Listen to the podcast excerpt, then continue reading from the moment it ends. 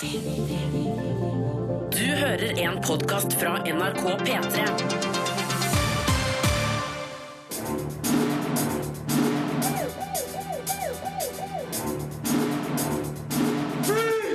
Filmpolitiet! What's your name, dude? Birger Vestmo. What kind of stupid name is that? Rogue One av Star Wars Story er den første enkeltstående filmen fra Star Wars-universet. På onsdag hadde den premiere, og i denne utgaven av Filmpolitiet skal jeg fortelle hvorfor filmen føyer seg pent inn mellom de andre. Regissør Gareth Edwards skal fortelle om jobben med å tilfredsstille fansen, og hovedrolleinnehaver Felicity Jones forteller om det morsomste fra innspillinga av Rogue One. Du får høre hvorfor The OA på Netflix er en spirituell mysterieserie som ikke klarer å gripe. Og vi har testa Super Mario Run, som ble sluppet løs på iPhone i går kveld. Filmpolitiet Filmpolitiet anmelder film. If the Empire has this kind of power, what chance do we have? What chance do we have? The question is what choice? Rogue One av Star Wars Story er den første Star Wars-filmen som ikke tilhører selve sagaen, som så langt spenner fra episode 1 til 7, men den føles på all måte som ekte vare. Regissør Gareth Edwards har laga en film som kanskje minner mest om Imperiet slår tilbake fra 1980, anerkjent som seriens beste. Den har farten, flyten og eventyrfølelsen, og mangler bare den avvæpnende humoren og et litt rikere persongalleri som kjennetegner Star Wars på sitt aller beste. Rogue One er likevel mer enn god nok til å sette fantasien i full sving hos alle som elsker underholdende eventyr i galakser langt, langt bort. Jin. Trust the Force. Handlinga skildrer opptakten til den første filmen fra 1977. Hovedpersonen er Gin Erso, spilt av Felicity Jones. Det viser seg at hennes far, Galen Erso, spilt av Mats Mikkelsen, som hun ikke har sett på mange år, er konstruktøren bak den nybygde dødsstjerna. Når opprørerne vil finne ut hvordan imperiets supervåpen kan ødelegges, blir Gin et viktig redskap. Hun blir tvunget ut på et interplanetarisk tokt for å lete etter faren med en gjeng krigere fra opprørsalliansen, blant annet Cassian Andor, spilt av Diego Luna, og roboten K2SO, spilt av Alan Tyduck. Why does she get a blaster and I don't? What? I know how to use it. Rogue One kaster ikke bort tid og setter eventyret i gang med det samme. Spenninga er der fra begynnelsen, samtidig som Gareth Edwards og hans antageligvis enorme stab skaper et stort, deilig og mangfoldig univers som er lett å kjenne igjen fra tidligere filmer. Historien foregår kanskje på nye planeter, men det visuelle uttrykket har en umiskjennelig Star Warsk signatur. Her pakkes eventyret inn i effektfulle actionsekvenser av ypperste sort, med et knippe helter som rekker gjør seg nok bemerka til at man bryr seg om deres skjebner. Gareth Edwards har regissert en film med mer enn nok Star Wars-DNA i seg til at Rogue One føyer seg pent inn blant de eksisterende filmene. På sitt beste er det her susende god underholdning, som viser at Disney heldigvis mener alvor med den pågående utvidelsen av det her høyt elska universet. Congratulations. You are being rescued. Terningkast fem. Vi fortsetter med fokus på Rogue One av Star Wars Story i denne podkasten fra Filmpolitiet. NRK har nemlig som de eneste i Norge fått møte både regissør og flere skuespillere fra filmen. Her får du dem i tur og orden, og vi starter med regissøren. Han heter Gareth Edwards. Den 41 år gamle briten ble kjent da han laga lavbudsjettsfilmen Monsters i 2010. Fire år seinere hadde han regien på storbudsjettsfilmen Godzilla, før han nå kommer med sin hittil største film. Gareth Edwards blir intervjua av NRKs London-korrespondent Espen Aas. Your first thought when you actually knew you were going to do a Star Wars film? Uh, I'll, any minute now, I'm going to wake up, and uh, and what a nice dream that was. And then I haven't woken up. It's been like keep wake, waiting to wake up. It's been like two and a half years, and I'm kind of paranoid that I'm, it's all gonna. I'm going to turn out to be a five-year-old and still in my Star Wars pajamas. because you're a big fan. Yeah, yeah. I mean, I, I felt like a lot of kids my age were big fans. Um, it was kind of normal to like Star Wars when I was growing up. Um, as normal as it was to support a football team or whatever, and and so um, yeah, it was pretty it, because it was normal. In a weird way, getting to make the film was not as intimidating as it might seem because it was like going home back to that place you grew up in, and so it was kind of comforting to be around stormtroopers and X-wings. It was, it felt like, oh yeah, this is how the world was supposed to be, you know, before it got boring in the middle when I became an adult. And now millions of fans will look through almost every frame of your film Yeah. and try to piece stuff together. Does it frighten you of the big following that this has? Um, I feel like anyone who watches the film multiple times enough to spot, you know, something, uh, we've already won them over. You know what I mean? They've come back a few times, and so that that's not a problem at all. That's like a that's that's that's a really good thing to happen. Um, but what does happen because you know you know there's going to be all this attention is that normally on a movie you might design something or have the background a certain way and go that'll do move on let's just no one's going to notice that but with Star Wars you go yeah they're going to notice that and so the extra attention that goes onto every button to make it feel like that's exactly the same button that was in the original Star Wars movie and there's all this attention to detail that all the art department did that's pretty incredible so I hope the first thing people want to do when they see the movie to some extent is go back and see it again and like look at everything else that they missed the first time and there's a lot to see again How free were you in terms of bringing in characters? Uh, I mean, everyone's seen Darth Vader in the trailer, and others will possibly pop up as well. Could you do whatever you wanted? uh, if anything like you know on day one I kind of turned up and was like okay I want to use all these characters from the classic movie and I want them all to be in the film. And people would like no you know trying to take them away. And like no. And then eventually you go okay, if we if that's all we did, we're not bringing anything new to the table. We're not making we're not living in the spirit of George Lucas, and so they um, the biggest issue with our film is it's kind of like an historical event where people know the ending. They know that it leads to the original Star Wars movie, um, but like all historical films. Um, the trick is to make sure you obviously people know how the, the, the world was, you know, the, the, how what things ha- happen in the actual world itself, but they don't know what happens to the characters, and so you've got to find characters where you don't necessarily know how things are going to pan out for them, and so that's why we developed this ensemble in Rogue One, where we were trying to create all the classical archetypes that George did and divide up that pie in just a slightly different way, so it felt like Star Wars, but these are people where you know, hopefully the film begins and you get sucked in and, and you really don't know where it's going and you start to really worry about these people and I'm not sure they're going to make it. And, and, and that's, I think, where the power of the film comes from. Will you wake up in the middle of the night thinking, I wonder what George Lucas would say? Yeah, I think I, my biggest fear, like obviously a lot, like the world's about to see it and all these reviews are going to come out any minute. Uh, my the review I was most concerned and interested in was George's, and he saw it about a week ago, and I got to speak with him on the phone, and he he loved it, and I I had to try not to have a tear in my eye. It was pretty incredible. Det sa Gareth Edwards, regissøren av Rogue One av Star Wars Story. P3. Hovedrollen som Jyn i Rogue One A Star Wars Story spilles av Felicity Jones. 33-åringen er fra før best kjent for rollen som Felicia i The Amazing Spider-Man, og som Stephen Hawkings kone Jane i The Theory of Everything. Men vi kan vel trygt si at Jyn er hennes mest profilerte rolle til nå. Her forteller Felicity Jones om det morsomste fra innspillinga av Rogue One, og om sitt syn på Star Wars-arven. Uh, I think um, it's it's always um, on something like Star Wars. It's it's working with um, with creatures, working with giant talking fish.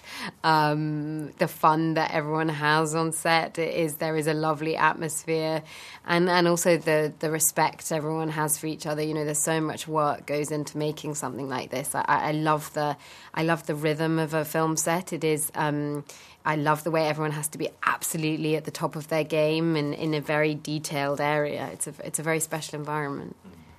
And this has been a series of films which people have loved for more than you've ever lived. Um, any thoughts on the legacy of Star Wars? With now more and more films coming out, and this is sort of the first spin-off movie, if you like. Yeah, I mean, um, it's Rogue One is very much in the continuum, in the line of. Um, of the Star Wars films. Obviously, it's it's kind of comes as number three point five, so it's um it precedes A New Hope. So it was very much being true to that tone that those films set.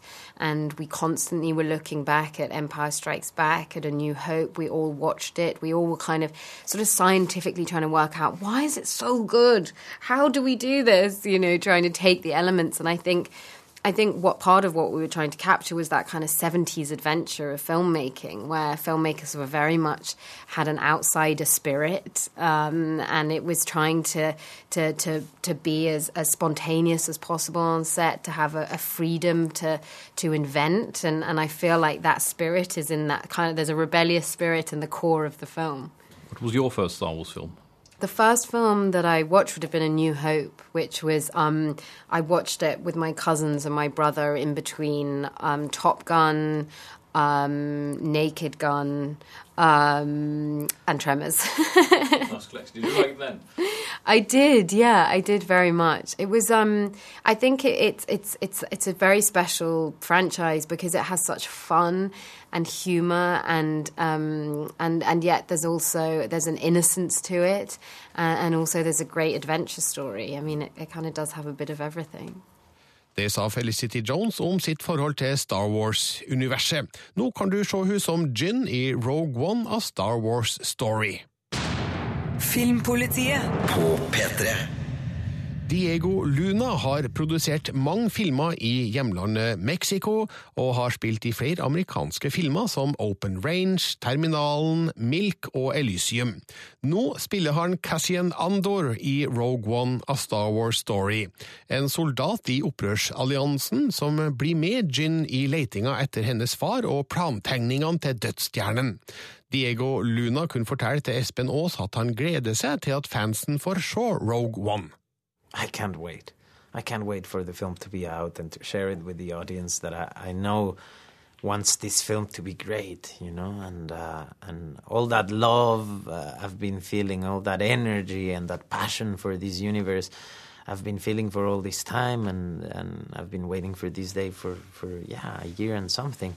So it it is it is exciting moments because I love the film and because I, I think audiences are gonna have fun watching it. And has it been hard not to talk about it?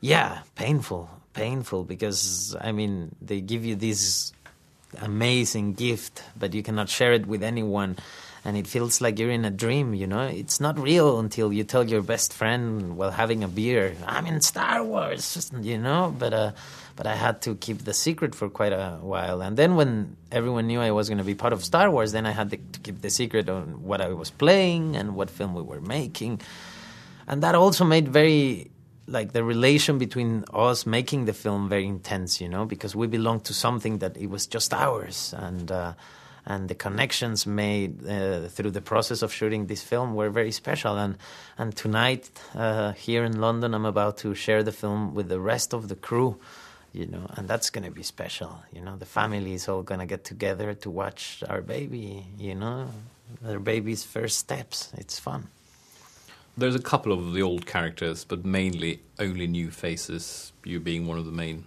characters. Um, did how was that? Was that okay? Just sort of start off fresh, or would you like to see more of the old heroes and villains? I like the, the balance that this film has of those Easter eggs for fans to kind of connect with that Genesis, that first film that blew our minds.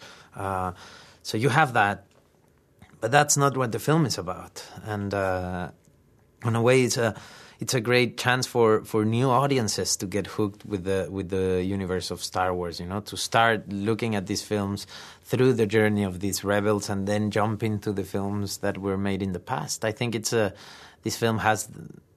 Yeah, those both those two sides, you know, and uh, and and that's what we were hoping, not to just do a homage uh, to the to the previous films, but to do a film that would leave a stand, you know, that would would be a, like a referent. You know, it's uh, it's quite a special journey and uh, and and difficult task. Uh, the one the producers and Gareth had, uh, you know, of how to make a Star Wars the film that would feel fresh and unique. And I think we we achieved that. I, I feel very proud. But playing a new character in such a well-known universe, did you sort of have the voice of Mark Hamill or Harrison Ford or anyone in your head when you tried to make your own character, or, or how did you Well, work? no, it's it's it's difficult because none of them have my accent. Uh, so uh, my voice is quite unique, like the voice of all these rebels. You know, uh, this the diversity that the cast uh, brings into into this the, this film already makes the film unique. You know. Is the first time you see this is racial and cultural diversity uh, uh, as part of, of of the universe of Star Wars. These different accents and and, and backgrounds. It's again, it's a modern approach to these to the to these films, and, and I think it was needed if if, if this wants to to to survive to. Uh, there, there had to be an, an evolution, and, and being part of that is cool. Det sa Diego Luna, som spiller Cassian Andor i Rogue One. P3. Kinesiske Donnie Yen har en lang karriere bak seg fra martial arts-filmer som Ip Man og Hero. I Rogue One spiller han Chirrut Imwe, en blind mann som kanskje eller kanskje ikke har kraften i seg. Han forteller at han faktisk nøla med å takke ja til rollen. To be honest, when they asked me to do it, I wasn't sure I want to do it. Why? Uh, I didn't want to leave my families to London for five months. I just I just got out, out of film. So they asked me, of course I was flat. Oh, they want me to Star Wars. And what am, what am I going to do? Star Wars, you know, in a in a in a universe, right? Then my kids and friends and everybody just came out, and they were more excited than I was. I said, you need to be in Star Wars, and I'm glad I did. Now I have a Lego and be part of the history. But you know, with that said, I uh, when I decided to as uh, to to be in a film and play a character, I usually go all the way. You know, once I decided to play the character, I and I hope to play the best I can. You know, and and and and it paid off, I guess. So, can I guess that you weren't such a big fan of Star Wars? I was no, I was a fan, of course, like everybody else, and especially as a filmmaker. Star Wars is a very it's something that you need to understand and study, but you know, am I a fan that I'm going to carry, you know, that the comic books in in my hands? No, I was not that. You know, but children's are. That's Uh, more important. Um, just briefly tell me about your role. What kind of a guy is this? He is the spirit. He's he's you know actually, he's very skillful. Obviously, despite his despite of his blindness, he's you know obviously he's he's uh, I guess the closest to being a Jedi, right? But at the same time, he's just like you and I. You know, he have a sense of humor. That is something that I wanted him. I wanted. Uh, that was always my intention to when I discussed about shaping, creating this character. I wanted him to be a normal human being instead of just a spiritual, skillful warrior. You know what I'm saying? He he he can hang out with you and joke, and he gets a joke, and he jokes. He likes to joke. But did he want to be a Jedi? Because there's something. I think he just wanted to promote what he believes. You know, he believes in the Force, and he believe, and he likes to, uh, cont- he, he, he to uh, to talk about all the time, and he, he he wants to inspire everyone to believe in the Force. Does he want to be a Jedi? I don't know. Maybe maybe that's just part of his destiny. What did you do to sort of uh, become as blind as you could throughout the film? Oh, I study different research and you know, and just uh, trying to. It's not easy. I, I I didn't expect to be that difficult because I find it hard to act with my fellow actors because I couldn't draw reaction, just looking at emptiness. So that was complicated. Det sa Donnie Yen, som spiller Chirrut Imwe i Rogue One. Filmpolitiet. Does that sound good to you? På P3. Riz Ahmed er kjent fra filmer som Nightcrawler og Jason Bourne, samt TV-serien The Night Of. Den 34 år gamle briten spiller Bodie Rook i Rogue One, en pilot for imperiet som hopper av til alliansen. Riz Ahmed likte godt å være med i Rogue One. It's all right. You know, it's kind of like a six out of ten in terms of the experience of filming it. You know, It's not quite as as fun as like having a warm bath, but it's better than having a sandwich. Let's say overall. Not bad. Hmm. when did you come into Star Wars in your sort of personal life? Um, you know, it was my first uh, film that I ever saw. I think I was about six or seven years old, and I saw it with my big brother. Um, you know, on VHS tape. And uh, God, we're so old, aren't we? VHS tape. Wow. Before the time of, of you know, even DVDs. You had to rent your player. Buster video. Wow. Um, and so, uh, yeah, I saw it on VHS tape, and it it blew my mind. It was just so imaginative. It's kind of crazy, you know, all those robots and aliens, and and uh, it just really triggered my imagination, and it, and it made a big impression. This is, as we all know, sort of a standalone film, uh, but still goes into uh, the story as we know it, especially from, from the first or the fourth film. Um, how do you view the film in sort of the whole context of the seven proper ones or big ones or whatever you should call them? Well, this is kind of a unique proposition in some ways because it's right at the core of the Star Wars saga. It's kind of episode 3.5 or even 3.75. You know, it's very close to episode 4. But on the other hand, it's its own distinctive story. It's, none of the characters are from the other Star Wars movies. Um, they're all fresh characters. And uh, even the way the story is told, in terms of just the camera work and the feel of the film, is quite gritty and edgy. It almost feels more like a war movie than a Star Wars movie, if that makes sense. So um, I think how it stands within the kind of lineage of the Star Wars films is something that both respects their heritage but also um, builds on it and kind of breaks the mold to some extent. And lastly, your character going from one side to the other. How did you work on him? Um, you know, it's interesting. I think this film deals in a lot of grey areas, and as we know, the the light the light side and the dark side aren't two binary entities; they're actually a spectrum. So I think it's it's great that this film looks at a lot of the kind of murky waters of people's history, um, which are often kind of you know. Um, kind of live we we live as human beings in the gray areas sometimes so my character is one who starts off with the empire and ends up with the rebellion and um, it's interesting uh, kind of to see Star Wars movies take that kind of level of nuance even a step further mm-hmm. and very short your all-time favorite character from the universe. I think my all-time favorite characters from Star Wars movies are the Ewoks. Yeah. Just too tall. Yeah Det sa Riz Ahmed, som spiller Body Rock i Rogue One. Han er òg med i to andre filmer i år, City of Tiny Lights og Una, der en av hans motspillere er Ben Mendelsohn. Sistnevnte spiller òg i Rogue One, nemlig rollen som Orson Krennic, imperiets kommandør på Dødsstjernen. Espen Aas møtte Mendelsohn sammen med Mats Mikkelsen, som spiller Galen Erso, faren til heltinna Gin og konstruktøren av Dødsstjernen. When was the last time you were in contact with your father? What is this?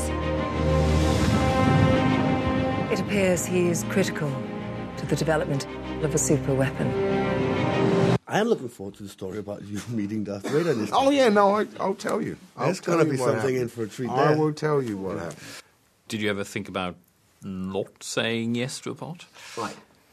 Det, det overvejede jeg ikke. Man kan sige, at jeg møder er selvfølgelig instruktøren, jeg læser selvfølgelig manuskriptet, men jeg vil sige, at det møde med instruktøren skulle have gået rigtig, rigtig galt. Han, skulle, altså, han skulle have slået mig meget hårdt med nogle tunge genstande, for jeg har sagt nej.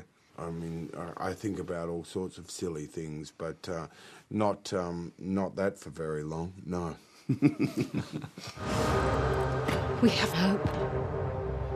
Rebellions are built on hope. A very interesting character. What did you make of him? What could he be? I think he's a freedom fighter. Freedom fighter that you know can be called a rebel because he's going up against the opposing forces or the empire, um, and he becomes a, a little bit of a freedom fighter that's an extremist, a rebel that's an extremist. And I mean, this is obviously a adventure movie uh, which Mhm. we've all grown up with, but does it also tell some kind of other story? I mean, I think it, it as, as it's always done, it's this kind of talked about like fighting, you know, like this this rebellion that we're talking about, been going on for a long time, fighting against oppression, fighting against control, and I think that's a story that you know resonates for people a lot, uh, and also like about your own finding your own individual power. In a sense, originally the original one talked about the force, finding the force within you, and in a sense, this character, Jen's character, has to find the fortitude or find her own um, destiny and choose it and live by it. In a way, it's about empowerment. Det sa Ben Mendelssohn, som spiller Krennic i Rogue One. Du hørte òg Mats Mikkelsen, som da altså spiller Galen Erso. Den siste skuespilleren fra Rogue One du får møte i denne podkasten fra Filmpolitiet, er Forrest Whitaker. Denne amerikaneren har en lang og fin karriere bak seg, med gode roller i blant annet Platoon, Good Morning Vietnam, Bird, Panic Room, The Last King of Scotland og Arrival, for å nevne noen få.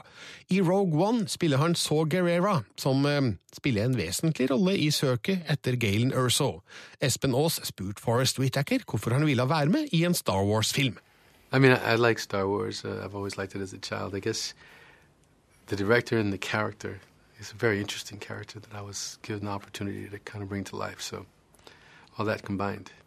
A very interesting character. What did you make of him? What could he be? He was a lot of things. I think he's a freedom fighter. Freedom fighter that you know can be called a rebel because he's going up against the opposing forces or the empire, um, and he becomes a, a little bit of a freedom fighter that's an extremist, a rebel that's an extremist. And I mean, this is obviously a adventure movie uh, which Mhm. we've all grown up with. But does it also tell some kind of other story? I mean, I think it, it as, as it's always done, it's, it's kind of talked about like fighting, you know, like this this rebellion that we're talking about, been going on for a long time, fighting against oppression, fighting against control, and I think that's a story that you know resonates for people a lot, uh, and also like about your own finding your own individual power. In a sense, originally the original one talked about the force, finding the force within you, and in a sense, this character, Jen's character, has to find the fortitude or find her own um, destiny and choose it and live by it. And, and in a way, it's about empowerment. What did you find most challenging about this role? Um, you know, I, I was I was I was concerned. I was when I was trying to put them together. I wasn't sure uh, about some of the choices I was making. Now it was a challenge, but I like dived into them and, and did them. You know, just the way he speaks, the way he does certain things. You know, um, finding that was a challenge. And the breathing, it Mm-hmm. kind of reminded me of another character. Yeah, I think that that's clearly on purpose. I mean, uh, here's my character, and he's sort of living in the gray area. You know, so if there's if there was the light and the dark, now Gerrera lives in the gray, so he is moving towards sort of the Darth Vader-ish part, or what we can consider the dark side, um, a little bit because of the moral, ethical choices he's making in the way he fights his war. Uh, I mean, people have been sort of living Star Wars almost their, whole- their whole life since the 70s, and they know so much. Um, Mm. Does that frighten you with doing a sort of a standalone film, although it's quite tied into the rest? It is tied in. I, th- I, it, it is a big daunting thing to know that there's this universe of people who like are following so closely and know so many details about it. But you just kind of have to do your work as an actor, and then depend upon the director and the producers and the studio and stuff to create this larger canvas, which is it's a massive. Uh, just even when you look at the titles at the end, you realize how many people it took to be able to make this film. What was your initial favorite character when you saw the first films? Um, I I did like uh, I guess I I did like Obi Wan.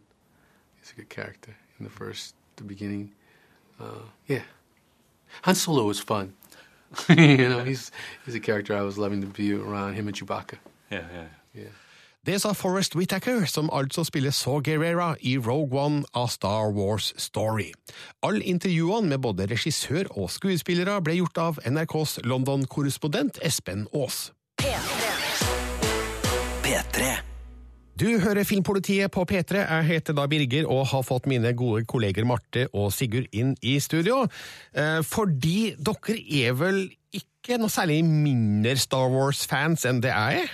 Jeg tror vi er ganske store Star Wars-fans, hele gjengen her. Ja, du Marte, du går jo ofte med Star Wars-T-skjorte på jobb. Ja, det, det er mine go to-klær, rett og slett. Ja, og- jakke òg, ja. Mm. Sigurd, du bruker Star Wars-sokker, eller? Ja.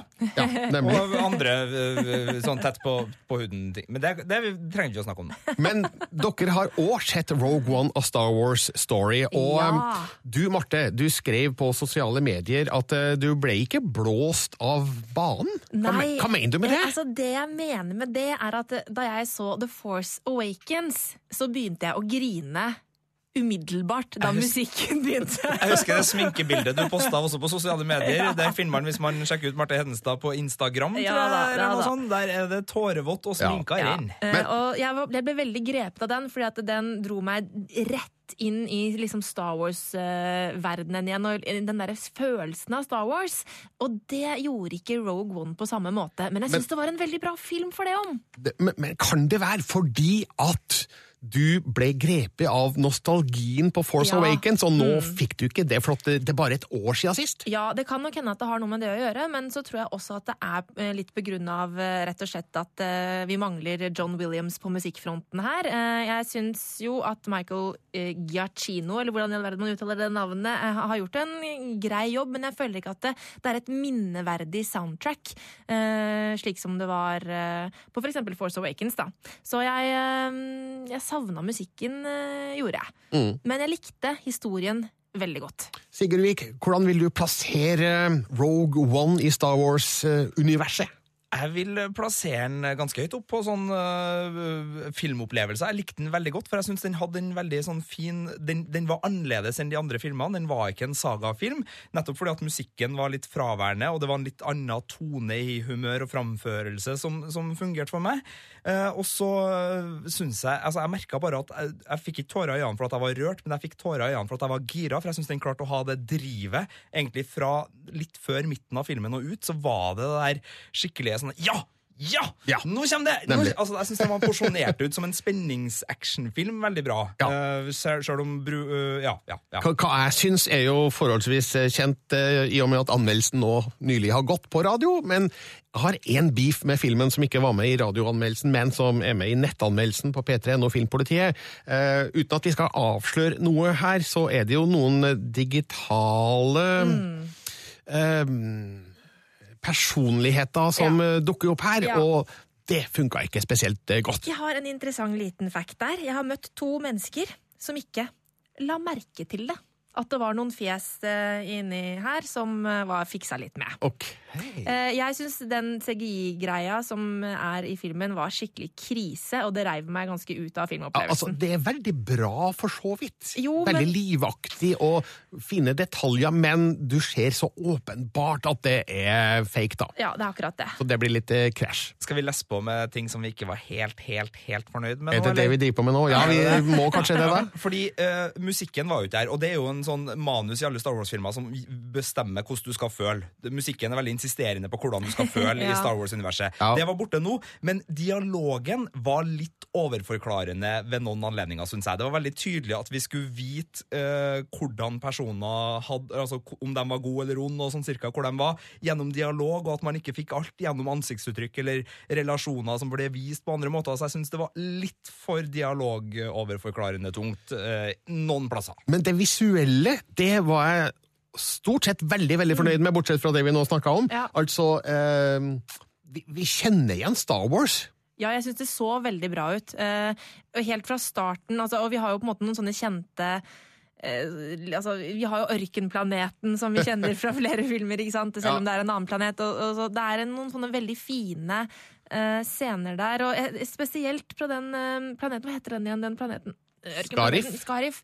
Eh, hvor det var noen sånne skikkelig fine kjøringer eh, over landskapet der som eh, gjorde at det syns det så veldig bra ut, altså.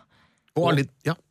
Skuespillerne må jeg si imponerer meg også. Det er mange nye rollefigurer her, og jeg syns spesielt Riz Ahmed, Ben Medelson, Diego Luna de gjør en kjempejobb, og Felicity Jones står uh, veldig støtt midt i det òg, syns jeg, så, så jeg likte det. Og ikke minst uh, robot eh, K2SO. Han var et skikkelig høydepunkt. Ja, Han er jo liksom the comic relief, for Mm. uh, ellers er jo filmen forholdsvis uh, mørk. Mye mørkere enn mye an- annet i Star Wars. Og den, uh, vi snakka litt om det, at det er jo mer en krigsfilm enn noen av de andre Star Wars-filmene. det her. Og det fungerer jo godt, syns jeg. Og jeg syns også at filmen leder opp mot A New Hope på en veldig god måte. Ja, Uten at vi avslører her heller, men altså nødvendigvis så må den jo for, ha en forbindelse med Mm. A New Hope, og det er jo løst eh, forholdsvis lekkert. Ja. Eh, men jeg ser for meg at den neste enkeltstående Star Wars-filmen, som da skal handle om den unge Han Solo, blir en mye morsommere affære. Ja. Det tror jeg. Og en mye friere affære, fordi som man har sagt, altså den her er litt som en historisk film. altså Man vet litt hva som den må inneholde i forhold til å sette seg inn i den store historien, men Han Solo, hva vet vi der? Vi vet at Lando skal være med. Da sier vi det slik at eh, Rogue One eh, innfridd eh, på det aller meste. Vi er forholdsvis eh, enige, virker det som, så her er det bare å komme seg på kino hvis du har den ringeste interesse for Star Wars. Filmpolitiet. Filmpolitiet. Les mer om film, spill og serier på p3.no Filmpolitiet. Det skjer ting på film-, spill- og seriefronten som vi må fortelle om, og først så skal vi vel til ja, en kombinasjon av alt det her, Sigurd? Det skal vi på en måte, for Amazon er jo en skal vi si, underholdningsgigant som holder på med det meste. Også strømming av TV-serier og film. Det har de holdt på utenfor Norges grenser en periode nå. Og vært litt sånn i skyggen av eh, de store aktørene? Ja, i hvert fall sett fra Norge så har liksom Netflix eh, vært den store, og HBO Nordic og Viaplay de litt mindre, og TV2 og, og Dplay og litt andre aktører. Men nå kommer Amazon Prime, som er Amazon sin strømmetjeneste, til Norge. Den kom på onsdag, faktisk, så nå kan du allerede med Amazon-kontoen din gå inn og ta en sju dagers gratis prøvetur, men du må jo binde opp et eh, kort, da, selvfølgelig, så begynner det å koste litt uh, penger etter hvert, og sånn, men du får det på app, og du kan ja. ja. Eh, Og det første halve året så kjører de på med et sånt skikkelig skikkelig superbillig tilbud for å kapre til seg masse, masse brukere og det går liksom i bresjen mot eh, Netflix. Men jeg har uh, allerede sjekka ut uh, innholdet på Amazon Prime, og jeg det er ikke et veldig stort utvalg der inne ennå, altså, og veldig mye gamle ting. Men stikkordet her er jo ennå, fordi Ennå. Viaplay spesielt har mange av de gode Amazon-seriene, som Transparent og Mozart in the Jungle, og de vil vel komme tilbake, hvis eh, våre mistanker er riktig, som originalt innhold på Amazon Prime etter hvert. Men foreløpig så er det Viaplay som har mange av de gode Amazon-seriene. Men jeg tenker at uh, enda et abonnement man skal oh, ja, ja, ja, bekoste oh, på. ja, Vel, vel. Men uh, over til en av de allerede nevnte strømmegigantene, da Netflix. De har jo gjort et uh, scoop som kommer på eh, skjermen i januar. Ja, jeg lurer på om Marte Hedenstad skal få lov til å si det her, fordi Oi, hun oi, oi. er den store fanen i redaksjonen. Å, for Hva er det vi venter på? Jo, vi venter på Sherlock! Og det er Netflix som har kapra Sherlock nå, og det er en dato, og det er 2. januar. 2. januar kommer Sherlock med ny sesong til Netflix. Vi i NRK har jo visst Sherlock tidligere, men denne gangen så er det Netflix som har premieren. To dager etter BBC, eller én dag En etter dag BBC. En dag, en dag etter. Ja, Ja. Så, men eh, det blir ikke hele sesongen i en smæling som vi er vant til? Nei, det er, BBC som eh, bestemmer, og det kommer én episode i uka på Netflix fra 2. januar. Sherlock. Herlig.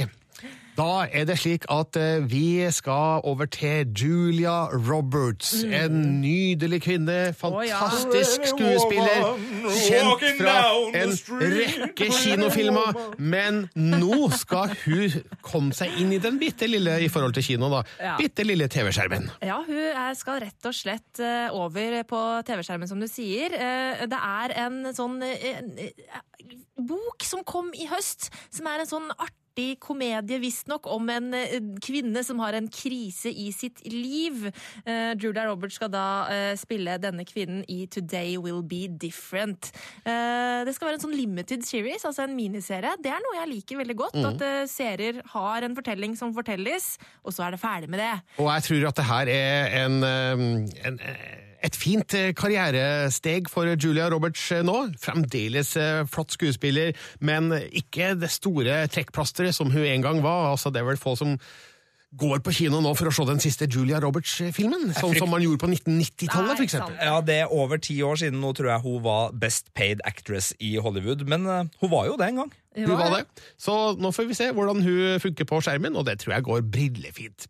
Det skjer ting på filmfronten som er interessant, eh, sett med norske øyne, Marte. Ja, vi har, i natt våknet vi, eller i dag tidlig våknet vi opp til nyheten om at Kongens nei er eh, med videre i eh, Oscar-racet. Hurra! Yay! Og hva, hva, hva betyr videre? Videre, Det betyr at nå er denne shortlisten, altså kortlista over filmene som er med liksom in the running to become America's next top model, eller nominerte til eh, utenlandske film, eh, er da blitt ni filmer. Det skal ned til fem. Ja. Så lenge så står altså Kongens nei på lista. Ja, Så eh, nå er det flere nordiske filmer med her, Sigurd. Det vil ikke ikke det? Altså, det, nei, men samtidig så er det jo en statement at både Norge, Danmark og Sverige er med. For Kongens nei er med fra Norge, Under sanden er med fra Danmark, og en mann med navn Ove er med fra Sverige. Og alle tre er jo gode filmer, selvfølgelig, men det er jo et sterkt felt her, da, der kanskje den tyske Min pappa Tony Erdmann skiller seg litt ut. Det, den har da premiere første juledag her i Norge.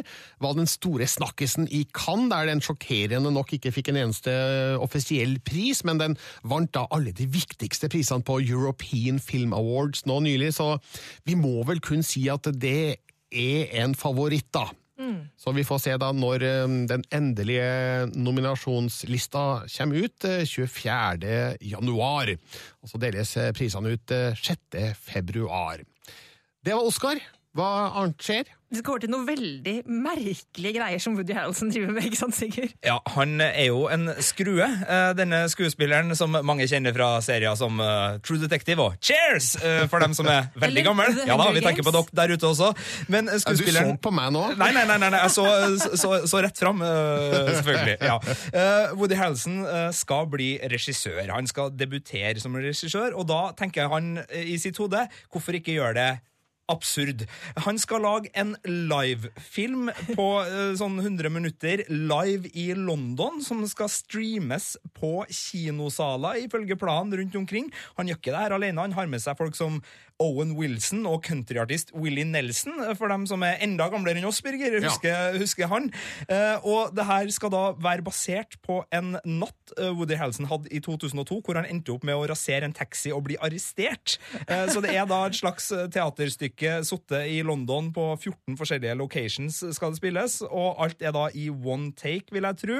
Og, og da, ja, hvis man vil, så kan man se det live, og hvis man vil vente, så kan man vente til det kanskje har fått lagt på litt musikk, eller hva de skal gjøre i, i Men, editen. for de som kjenner Woody Harrelson, eh, så det er jo ikke overraskende at når han først eh, skal regissere noe, at han gjør noe sånt, da, i stedet for å lage en Marvel-film, eksempel.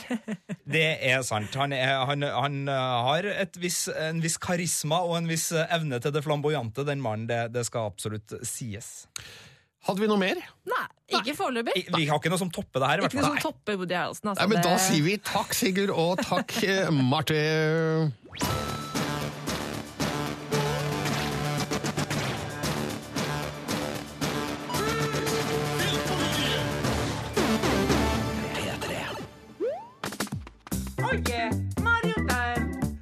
I går kveld ble endelig Super Mario Run publisert, eh, eller sluppet på IOS, altså iPhone, og vi har venta veldig mye på det her. Eh, Og i sted sa jeg at vi har testa det. Eh, Vi betyr ikke meg, da, faktisk, for det er Marte Hennestad og Sigurd Vik som har gjort det. Ja. Um, vi elsker jo Super Mario, men eh, gjør vi det også på iPhone, Marte? Til en viss grad. Eh, Det er alltid morsomt med Super Mario. eh, Og eh, altså, Nintendo holder seg jo på en måte til den klassiske sideskrollende Super Mario-plattformspillet her. Da tilrettelagt for iPhone, sånn at du bare kan trykke med én finger på skjermen. Og det er jo sånn at Mario han beveger seg uansett hele tiden bortover brettet, og så er det du som da skal hoppe og samle så mange mynter videre som, som man kan. Ja, Sigurd, du har også testa det her. Er, er det noe gøy? Det var kjempeartig. Det første som skjedde, var at jeg var kjempebegeistra, for det her var gratis. Og jeg bare Mhm. yeah, yeah, yeah, lasta ned, satte i gang og kom gjennom brett én og brett to og brett tre. Og det var liksom de klassiske Mario-verdenene. Det var under bakken, det var oppe på litt sånn sopplignende landskap, og jeg heia, og jeg ville finne prinsessa som eh, hadde en party som jeg var invitert til, og så bare kom beskjeden eh, 109 kroner, takk. mikrotransaksjon Da hadde de huka deg inn. Ja. Eh, Kjøpte du?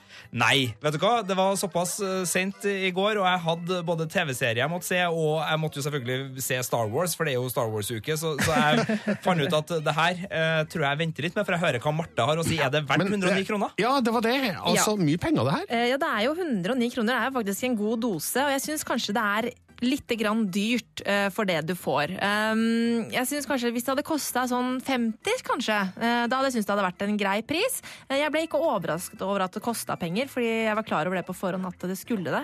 Men jeg syns det er litt sånn gjentagende. Man må spille brettene igjen og igjen for å på en måte få fullt utbytte og for å runde eh, verdenen. Eh, så skal man spille hvert brett tre ganger, og det eh, føles litt repetitivt. Eh, men så er det jo artig Mario-musikk, og det er liksom den klassiske eh, spillet, på en måte. da, Sånn at det, er trivelig, og det er artig sånn for nostalgikere, sånn som meg, da. Men var det ikke kjempevanskelig å, å få flagget fra toppen og ned? Jo, vet du hva, jeg kom ikke på toppen av flaggstanga en eneste gang, jeg. Ikke jeg heller. Det var, altså. det var snedig. Det er sikkert noen triks. Men Her må det, her må det trykkes! trukkes. Det må øves, rett og slett. Ja, Vi gir ikke noe terningkast til Super Mario Run enda, Nei, ikke enda. ennå. fordi Jeg, jeg driver og skriver på en anmeldelse, og så jeg må tenke meg litt ekstra om uh, før jeg bestemmer meg. Altså. i hvert fall Super Mario Run er tilgjengelig nå på IOS, altså iPhone, for de som eh, har lyst til å spille tre gratis eh, brett, og for de som har lyst til å betale 109 spenn for resten. Filmpolitiet. P3. Denne uka kom det nesten som lyn fra klar himmel beskjed om at Netflix har en ny mysterieserie på gang. Og den måtte vi ikke vente lenge på, for den kom ut allerede i dag og heter The OA. Filmpolitiet anmelder TV-serie. Seven years ago, when she went missing, she was blind. Mom? Do you remember any of the events that led up to your disappearance?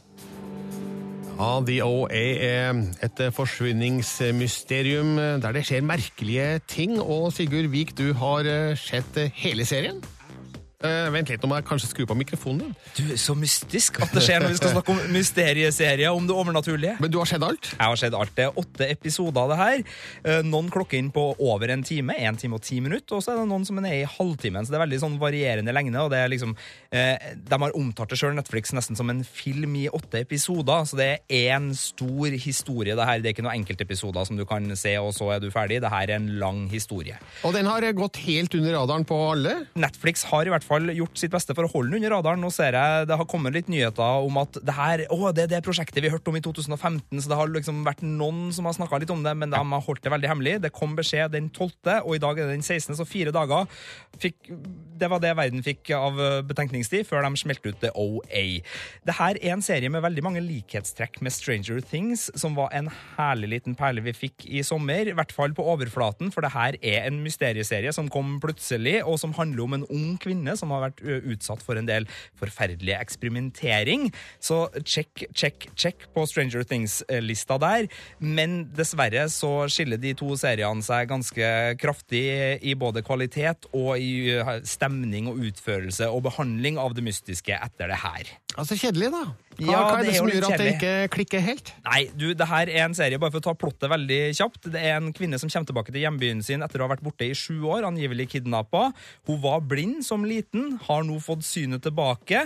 Hun vil ikke snakke om det her til FBI eller foreldrene sine, men en gruppe unge, litt sånn outsidere får ta del i en litt sånn Treehouse-aktig eventyrstund der hun forteller sin historie, og vi blir med på den. Og akkurat der, så det her er episode én, det er ikke mye spoiling, men der og da, det kribler i magen min. Jeg er veldig gira på det her. Jeg gleder meg. Men så blir det en seig og repetitiv sak som tar for seg en spirituell åndelighet der det blandes vitenskapsteorier med parallelle dimensjoner, med mer religiøse overtoner. Så det er liksom ikke det, det overnaturlige der vi hadde rollespill og litt sånn gode greier i Stranger Things, så er det en mye mer spirituell side av denne serien. Og den blir aldri spennende, det er det som er hovedproblemet. Den har mange lag og legg på historie etter hvert, og det kommer flere karakterer. Jason Isaacs, som spiller Lucius Malfoy i Harry Potter-filmene, er en slags Jeg skal ikke si at han er skurk, men han har en antagonistrolle her og spiller ganske godt. Men så blir det aldri at jeg blir grepet, da, Birger. Sjøl om Brad Pitt er produsent. Sjøl om Brad Pitt er produsent. Og det skal sies, det her er litt sånn smaken er som baken. Den er delt. Og mange vil nok like det her. For det er meg som ikke blir truffet av det. For jeg merker at den mytologien serien prøver å skape, det er ikke helt min greie. Det er ikke min tekopp. Og jeg merker jeg er, litt, jeg er kanskje litt piggende ut. Kanskje litt piggende ut på det åndelige jeg presenteres for. Det smøres veldig tjukt på. Og så er det en siste episode der jeg merker at det er dramatisk, det er mektig, og jeg sitter her og tenker sånn Ja. Ja, ja, ja. All right. The OA har i hvert fall premiere på Netflix. Alle episodene ligger ute, og du, Sigurd, gir serien Terningkast tre. På mandag kom eh, Golden Globe-nominasjonene, og eh, det her syns vi er interessant, eh, Marte og Sigurd, fordi Golden Globe er jo en av USAs viktigste filmpriser. Ja, det er jo det, absolutt. Og så er det en på en måte prisutdeling som kanskje gir oss noen hint om, om hvordan det kommer til å gå på Oscar-utdelinga, ofte. Og så er det jo også TV-serie her, og det er jo Yes. en av de mer spennende TV-serieprisutdelingene som virkelig pleier å luke fram noen nye favoritter og gi oss noen nye prisvinnere, der Emmy er kanskje litt mer tradd. Ikke sant? Men eh, skal vi ta film først, da? Eh, Hvem er nominert i eh, kategorien beste dramafilm? Hacksaw Ridge, Hell or High Water, Lion, Manchester by the Sea og Moonlight. Ja, Der var det en del filmer som vi ikke har sett ennå i Norge, men Hacksaw Ridge og Hell or High Water er jo begge gode filmer, så om en av de vinner, så er vel Hell or High Water kanskje den ja, mest sannsynlige vinneren av en eh, Golden Globe. Men hva med beste eh, musikal eller komedie, for det er jo også en kategori her. Ja, og der eh, er det da 20th Century Women, Deadpool, eh, Florence Foster Jenkins, La La Land og Sing Street som er de nominerte. Og ikke La La Land en, eh, en favoritt her, for Jo, den har hele syv nominasjoner. Så blant annet da så har både Ryan Gosling fått en nominasjon for beste skuespiller i en musikal eller komedie, og Emma Stone har da fått for kvinnelig beste skuespiller i en musikal eller komedie. Og La La Land har premiere i Norge da i februar. Hva, på, hva med TV-fronten, Sigurd? Der ble det veldig spennende, for i den prestisjetunge dramakategorien, la oss kalle det tungvektkategorien eh, i eh, Golden Globe-sammenheng, der blir det et gigantmøte. For de fem nominerte er The Crown, Game of Thrones, Stranger Things, This Is Us og Westworld. Og det vil si at fire av de fem nominerte er fra HBO og Netflix. To hver, det er gigantmøte. Det er Game of Thrones og Westworld mot The Crown og Stranger Things. Det her er virkelig strømmeoppgjøret for oss i Norge, selv om HBO er mer inne.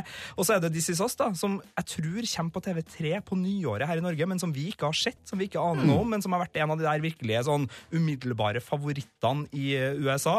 Eh, Det er jo egentlig bare Game of Thrones her som er en slugger i form av at den har hatt mange sesonger, så det er masse nye serier, og det er jo kjempespennende når det blir sånn, da. Og så har vi beste komiserie. Det har vi, og der er det helt annerledes, for der er det ikke så mye HBO og Netflix. Der er det Atlanta, som vi ga terningkast seks, Blackish, Transparent, Weep og Mozart in the Jungle. Og det er klart, Weep er HBO. Den vant Emmy. Den har vunnet Emmy massevis, og Louis Dreyfus er superfavoritt Mm, her, ja. selvfølgelig. Men det er spennende, fordi det, det er de litt mer underfundige dramediene som ellers dominerer den kategorien. Den eh, 74. utgaven av Golden Globe-utdelinga mm, arrangeres natt til 9. januar. Da får vi svar på hvem av alle de her som går av med seieren. Takk, Sigurd og Marte. Filmpolitiet.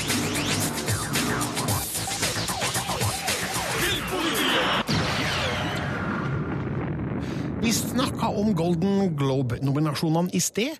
Viggo Mortensen er nominert i kategorien beste mannlige, obviously, eh, hovedrolle i en dramafilm for sin innsats i Captain Fantastic. Og den kom eh, nå nylig ut på Blu-ray, DVD og strømming, og det er en film du bør merke deg, og her er hvorfor. Filmpolitiet anmelder film. What we created here may be unique in all of human existence. All the way to the top. We created a paradise. Captain Fantastic høres kanskje ut som en superheltfilm, men bak tittelen finner vi et nydelig drama om en uortodoks families møte med det moderne samfunn. Manusforfatter og regissør Matt Ross har skapt en vakker og rørende skildring av forholdet mellom en far og hans seks barn. Viggo Mortensen spiller en av sine beste roller på lenge, mens også barna portretteres av talenter som fremstår ekte og naturlige.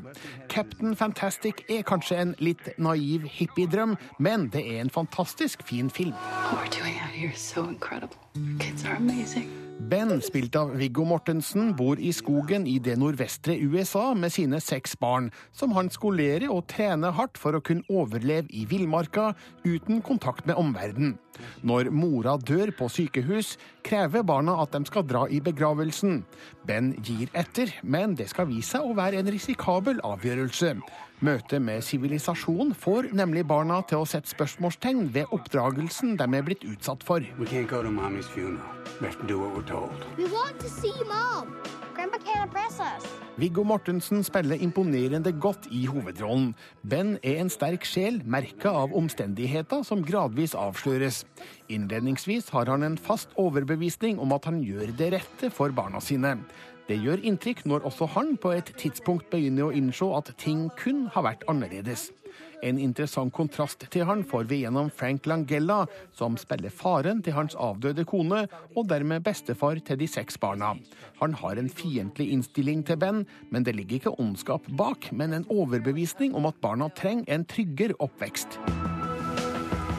This is your fault. Leslie had a disease. Wherever you Captain Fantastic skildrer godt det sterke båndet som holder denne familien sammen, til tross for uenighetene som oppstår.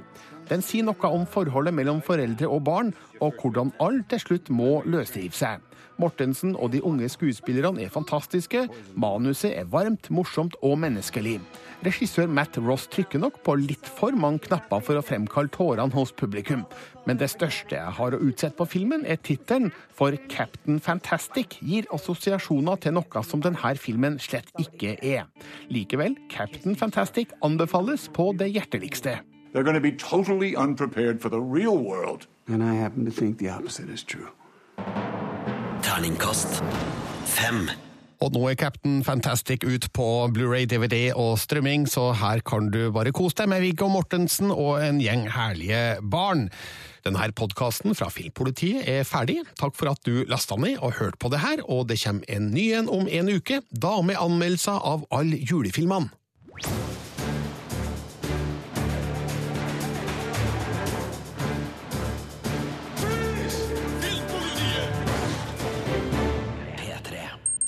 Du finner flere podkaster på p3.no podkast.